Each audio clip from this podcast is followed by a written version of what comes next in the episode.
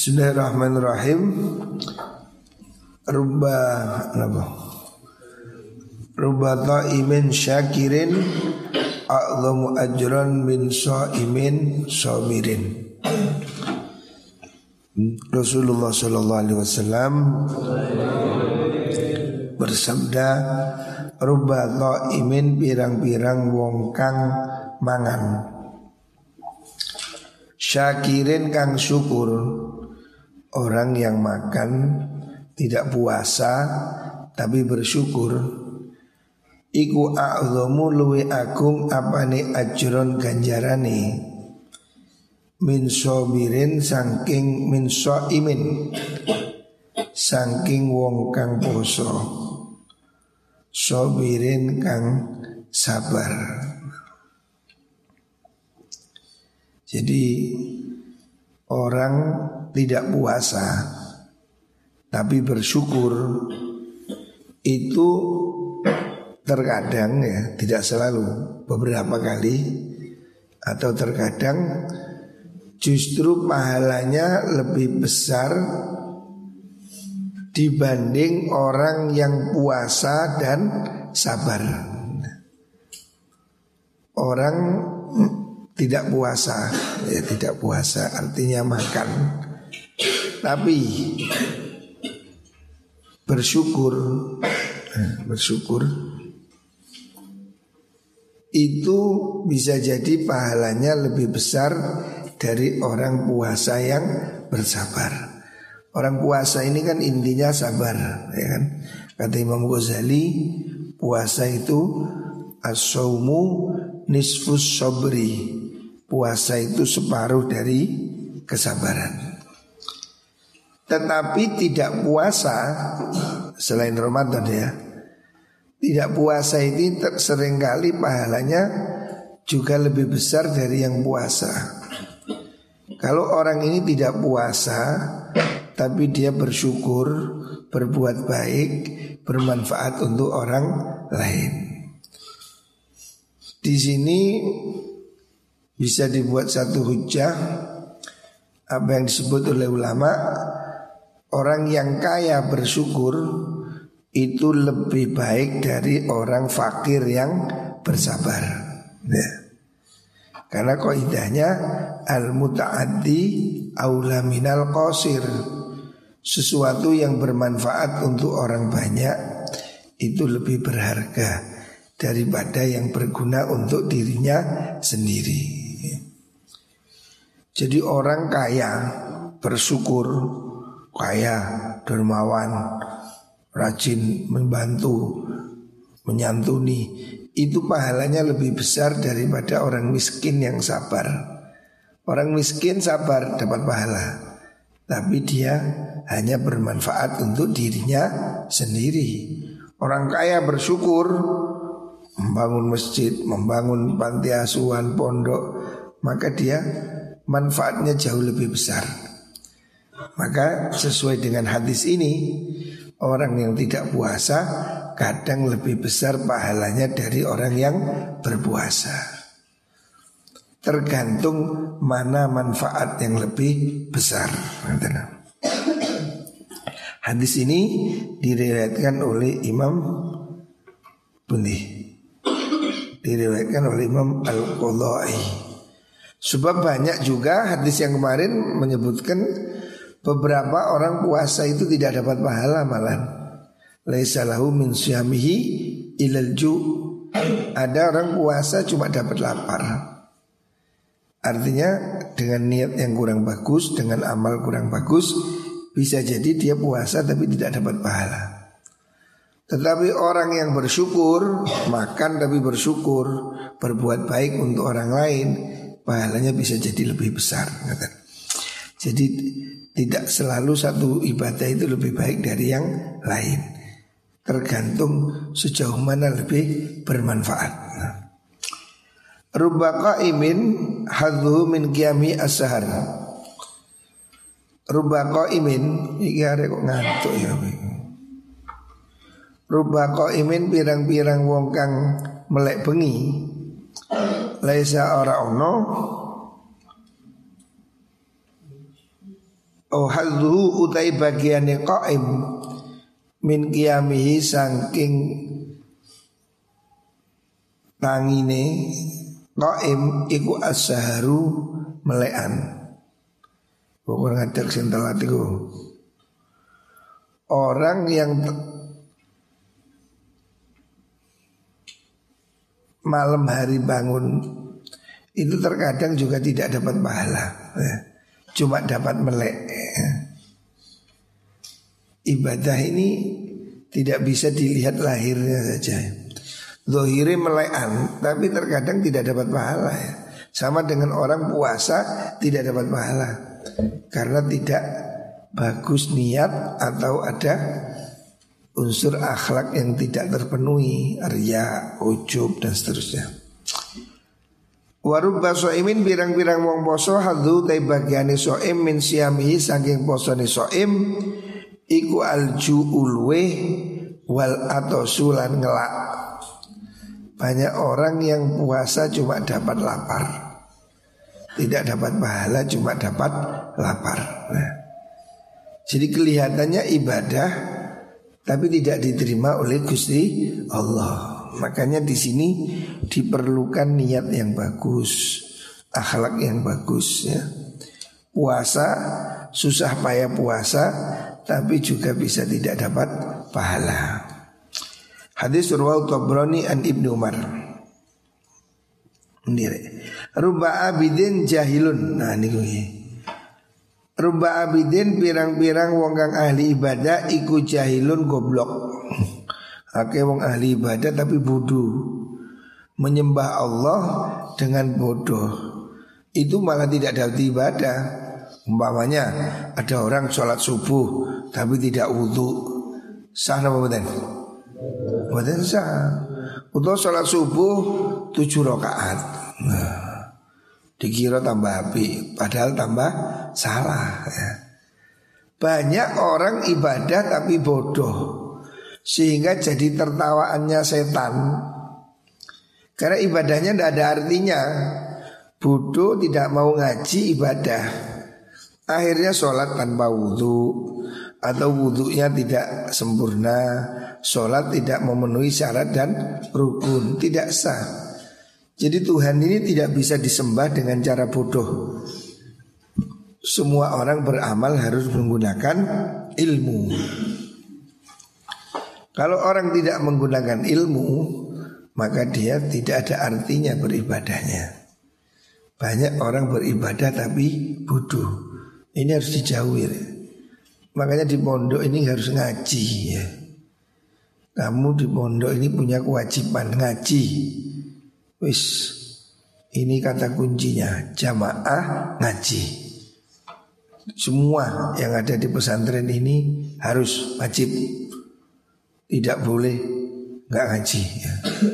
Sebab kalau kamu beribadah tanpa ilmu hasilnya sia-sia. Bisa jadi malah dimarahi oleh Gusti Allah. Kamu sholat tapi dengan cara yang tidak benar. Bukan malah dapat pahala, malah tambah dimarahi oleh Allah ya. Loh saya kan ibadah, ya ibadah kan harus benar. Umpamanya kamu mengasih hadiah Pak Presiden Oh ini kan kamu mau memberi persembahan. Tapi kamu beri dia sesuatu yang jelek.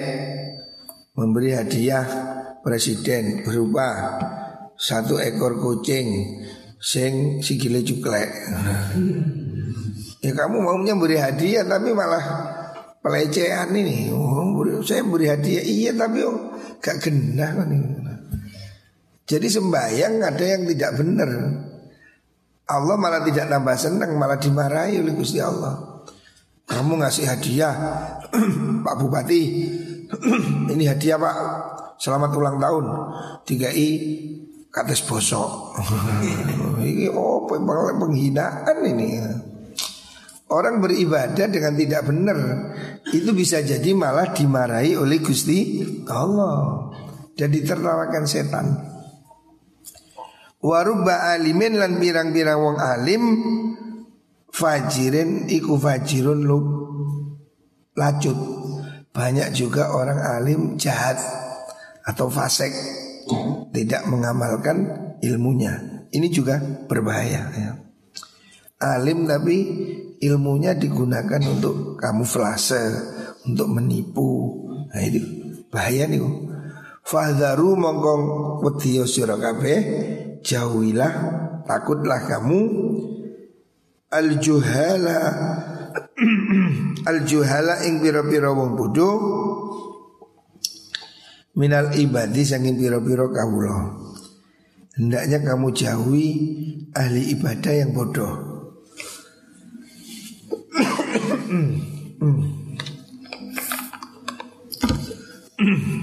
jauhi ahli ibadah yang bodoh karena orang-orang yang ahli ibadah tapi bodoh ini bisa jadi menyesatkan.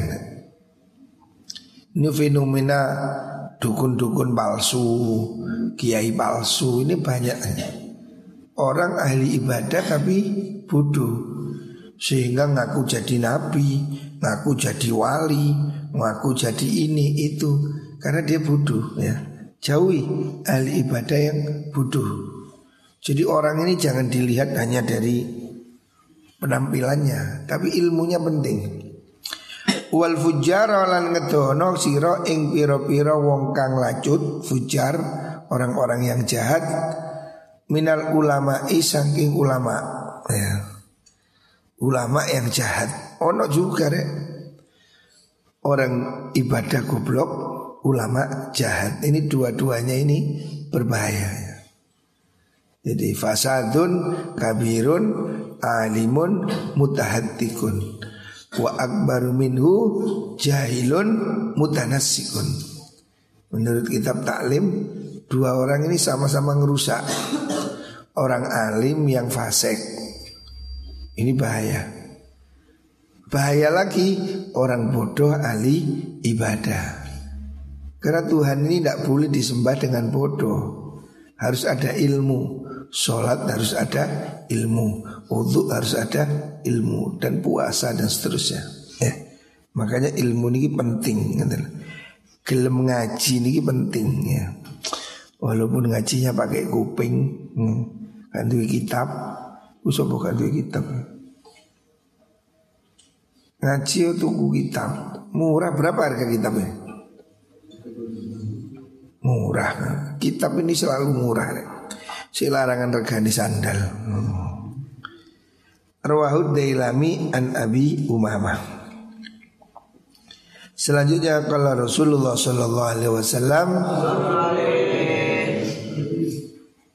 Rubah hamili fikhin Pirang-pirang wong kang Ngerti ilmu fikih Iku ghairu fakihin Duduk ahli fikih banyak orang kiai umpamanya tapi tidak ahli fikih. Ini banyak sekali. Orang kelihatannya pinter ternyata tidak ngerti fikih. Saya sering melihat ini di televisi. Apa itu namanya? Tanya jawab keagamaan. Ada orang sudah kadung dipanggil kiai, sudah kadung dipanggil bunyai, tapi jawabnya keliru-keliru. Ada saya lihat ya kadang di televisi itu. Bukan ahli fikih, tapi menjawab masalah fikih. Nah ini kan bahaya ya. Jadi harusnya orang menjadi kiai itu ngerti fikih, ngerti ilmunya. Jangan membuat ngarang-ngarang sendiri, jangan membuat hukum tidak ada dalilnya ya. Dan ini terjadi hari ini banyak ya. Banyak orang mengerti fikih tapi bukan ahli fikih. Maksudnya ada orang yang bukan ahlinya gitu. Sekarang ini banyak sekali ustad-ustad mendadak mustad. Nah, artis jenggoten langsung mustad artis celononi cingkrang langsung mustad mustadkan diri.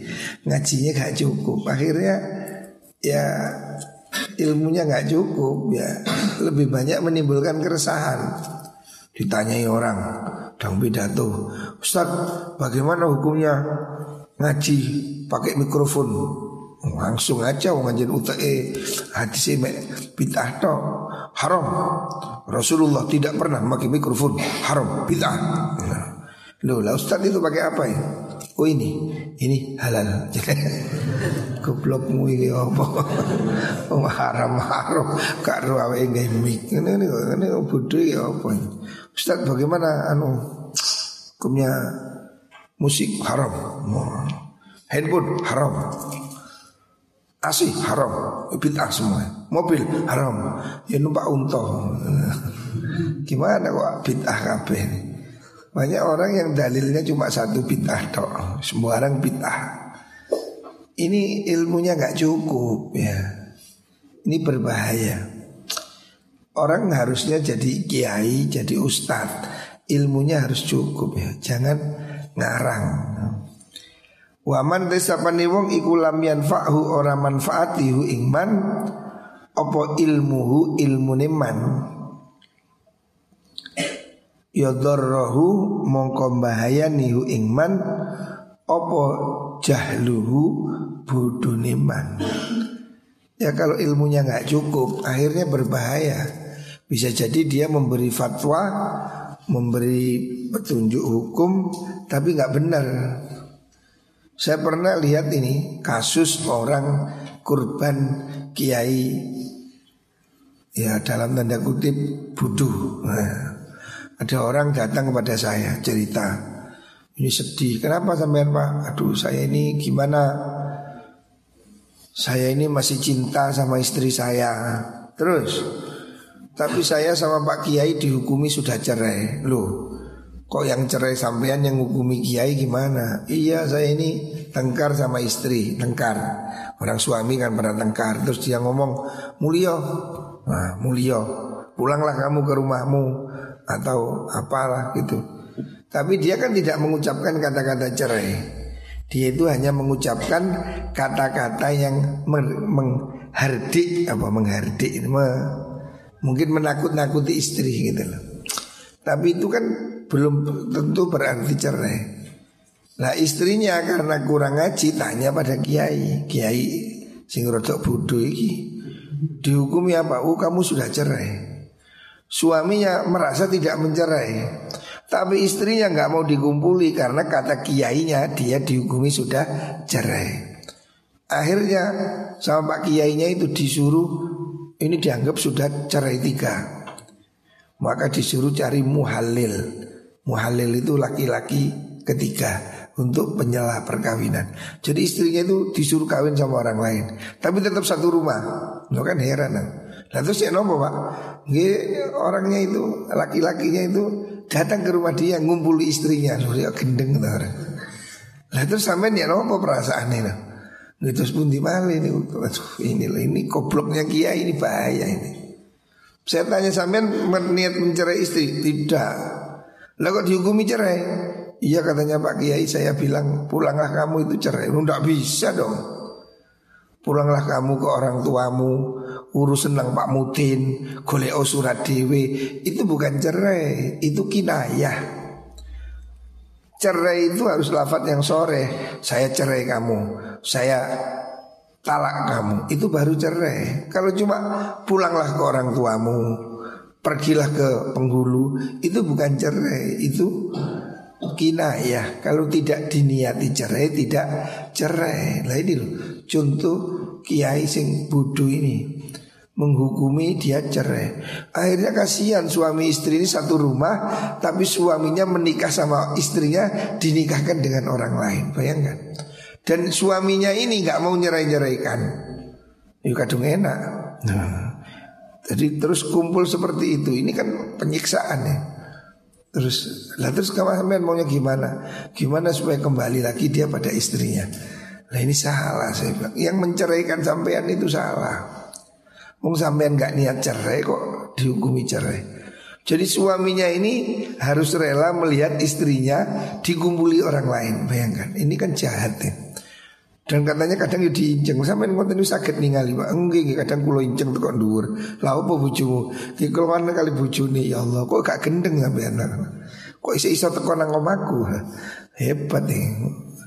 Ini kan ukurannya gendeng kok iki kan. Nah gimana istrinya ditumpaki wong di indelok kan ya Allah. Sudah sudah gimana saya ini bodoh sekali saya itu kiainya bodoh itu. Gimana wong orang nggak cerai kok dihukumi cerai? Ini apa ini? Dan ini saya lihat banyak beberapa kasus seperti itu. Orang rumah tangga cekcok, suaminya bilang pergilah kamu dari rumahku atau kembalilah ke orang tuamu. Itu bukan cerai. Kamu bukan istriku, itu bukan cerai. Itu namanya kinayah. Kalau diniati cerai harus ada niat. Kalau diniati cerai baru cerai. Loh, niat itu siapa? Ya suami. Kalau suami ditanya, "Kamu niat cerai?" Enggak, selesai. Berarti yang dibenarkan suami. Karena ucapan itu kan tergantung yang mengucapkan. Saya sudah menemui beberapa kasus seperti ini. Tiba-tiba istrinya nggak mau dikumpuli suami. Alasannya merasa sudah dicerai tiga kali. Beberapa kasus. Saya tanya lu, kamu dicerai gimana? Ya itu suaminya bilang pulanglah ke orang tuamu. Golek usurat dewi, urusan dewi nang penghulu.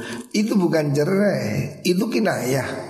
Kalau suaminya meniatkan cerai baru cerai, ya tolak itu ada yang sore, ada yang kinayah. Nah ini kan banyak korban rumah tangga akhirnya dihukumi cerai padahal tidak niat cerai. Akhir kiai ini jadi muhalil Enak. Muhalil ini kan pemain tambahan. Ya wis tak bujuni direvisi Seminggu tak balik nomane Uh, tukang detail-detail jenis ini ini ini.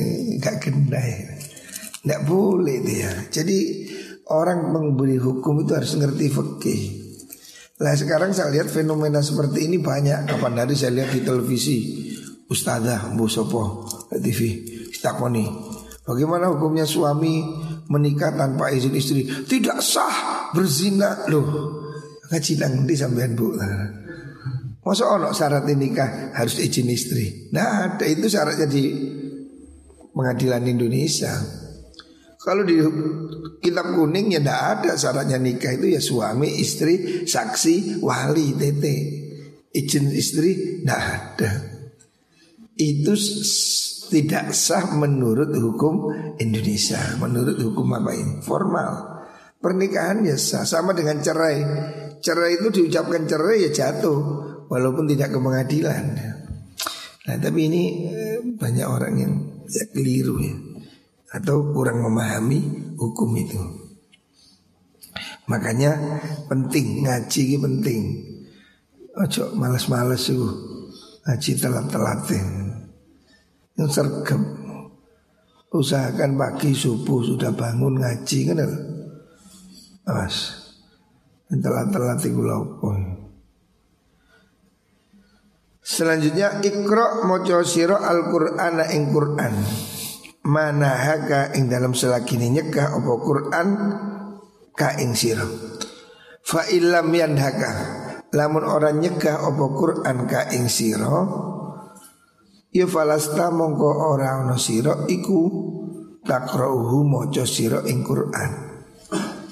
Bacalah Quran dengan memahaminya ya. Ini penting sekali. Banyak orang sekarang lebih mementingkan bacaan tajwid ya atau lagu atau seni tetapi malah tidak memahami arti Al-Qur'an. Ini salah. Harusnya Quran itu dibaca dengan benar ya, tartil ya. Tapi selebihnya harus berusaha difahami ya. Makanya kata Rasulullah Sallallahu Alaihi Wasallam, Iqra'il Quran manahaka. Kamu itu bacalah Quran selama Quran itu masih bisa mengendalikan dirimu. Kalau kamu baca Quran yang benar, itu Quran bisa mencegahmu dari kesalahan. Yang halal bilang halal, yang haram bilang haram. Itu berarti kamu ngaji benar. Fa ilam yanhaka falas tatakra'u. Kalau kamu baca Quran tapi Quran itu tidak mencegahmu dari perbuatan jahat, Kalau Quran itu tidak mengubah perilakumu Berarti kamu belum membaca Al-Quran.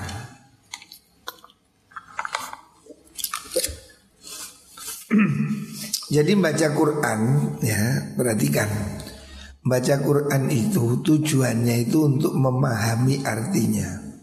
Bukan sekedar untuk seni, kiroah, apa panjang pendek. Bukan hanya itu Ilmu baca Quran itu tentang tajwid Tartil itu betul.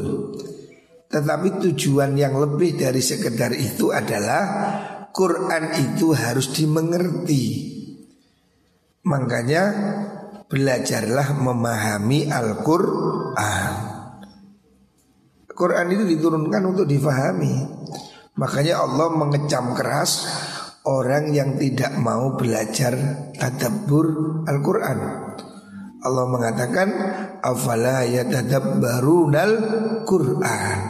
Kenapa mereka nggak mau memahami Al-Quran? Am ala kulubin akfaluha Atau hati mereka telah tergembok? Jadi orang itu kalau nggak memahami Al-Quran Hatinya terkunci. Dan Quran ini berkah Kalau kita faham ya. Kitabun anzalnahu ilaika mubarakun liyadabbaru ayati. Kitab ini penuh berkah supaya kamu memahami artinya. Lah kalau kamu nggak paham, ya berkahnya kurang. Jadi Quran ini bukan untuk dibaca kalau ada orang mati, hataman. Quran ini bacakan untuk orang hidup, bukan untuk orang yang mati. Orang mati kan cuma dikirim pahalanya. Tapi manfaat dari Quran ini untuk orang hidup. Jangan nunggu orang mati baru dibacakan Al-Quran. Sekarang kita ini kan orang mati baru dibacakan Quran. Tahlil. Bacakan Quran ini pada orang hidup Bukan orang mati. Orang hidup ini yang harus baca Quran. Kamu ini yang harus dengar Quran Bukan orang mati. Orang mati kayak dibaca Quran Ya dia cuma dapat pahalanya Tapi ilmunya Hikmahnya Manfaatnya Quran Itu untuk orang yang hidup wa qawlu. Orang yang hidup memberi peringatan pada orang yang hidup. Maksudnya hidup akal budinya. Orang yang mau menggunakan otaknya. Quran itu untuk orang-orang yang hidup dengerin Quran. Dia bilang apa? Ini haram, hentikan. Ini halal, ini wajib, ya. Bacakan Quran untuk orang yang hidup ini loh Yang masih punya telinga ini loh Jangan sampai orang punya telinga tapi tidak bisa mendengar Lahum udhunun la yasma'una biha Ulaika kal an'am Quran ini untuk dibaca pada orang yang hidup Orang yang masih bisa mendengar Bacakan Quran Supaya dia mengambil pelajaran dari Al-Quran. Makanya kita ini harus belajar tafsir, belajar hadis, belajarlah untuk memahami Al-Quran. Jangan kemudian Quran tidak ngerti arti ini, akhirnya yang nggak tahu mana yang halal, mana yang haram. Kalau bisa baca Quran itu, kata Imam Nawawi, kalau kamu baca Quran itu hendaknya apa? Menangis.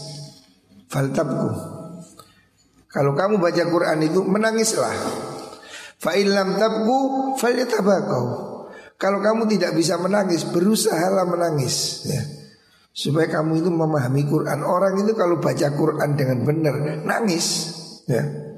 Lau anzalna hadzal Qur'ana ala jabalin la ra'aitahu khasyi'am mutasaddiam min khasyatillah.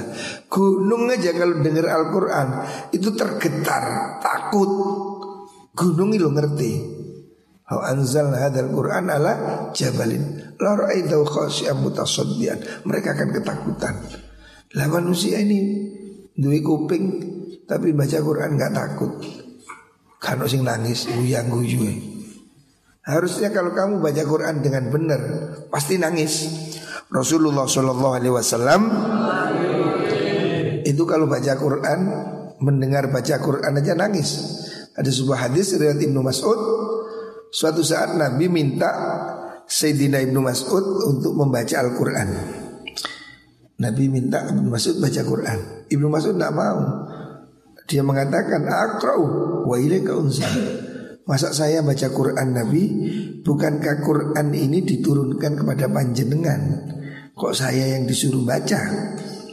Kemudian Nabi mengatakan Uhibbu an asma'a min ghairi. Saya ingin mendengar dari orang lain Kemudian Ibnu Mas'ud baca ayat Quran Sehingga sampai pada ayat Wa kaifa idha ji'na min kulli ummatin bisyahidu Wa ji'na bika ala ha'ulai syahida Nabi mengatakan yakfikal an cukup.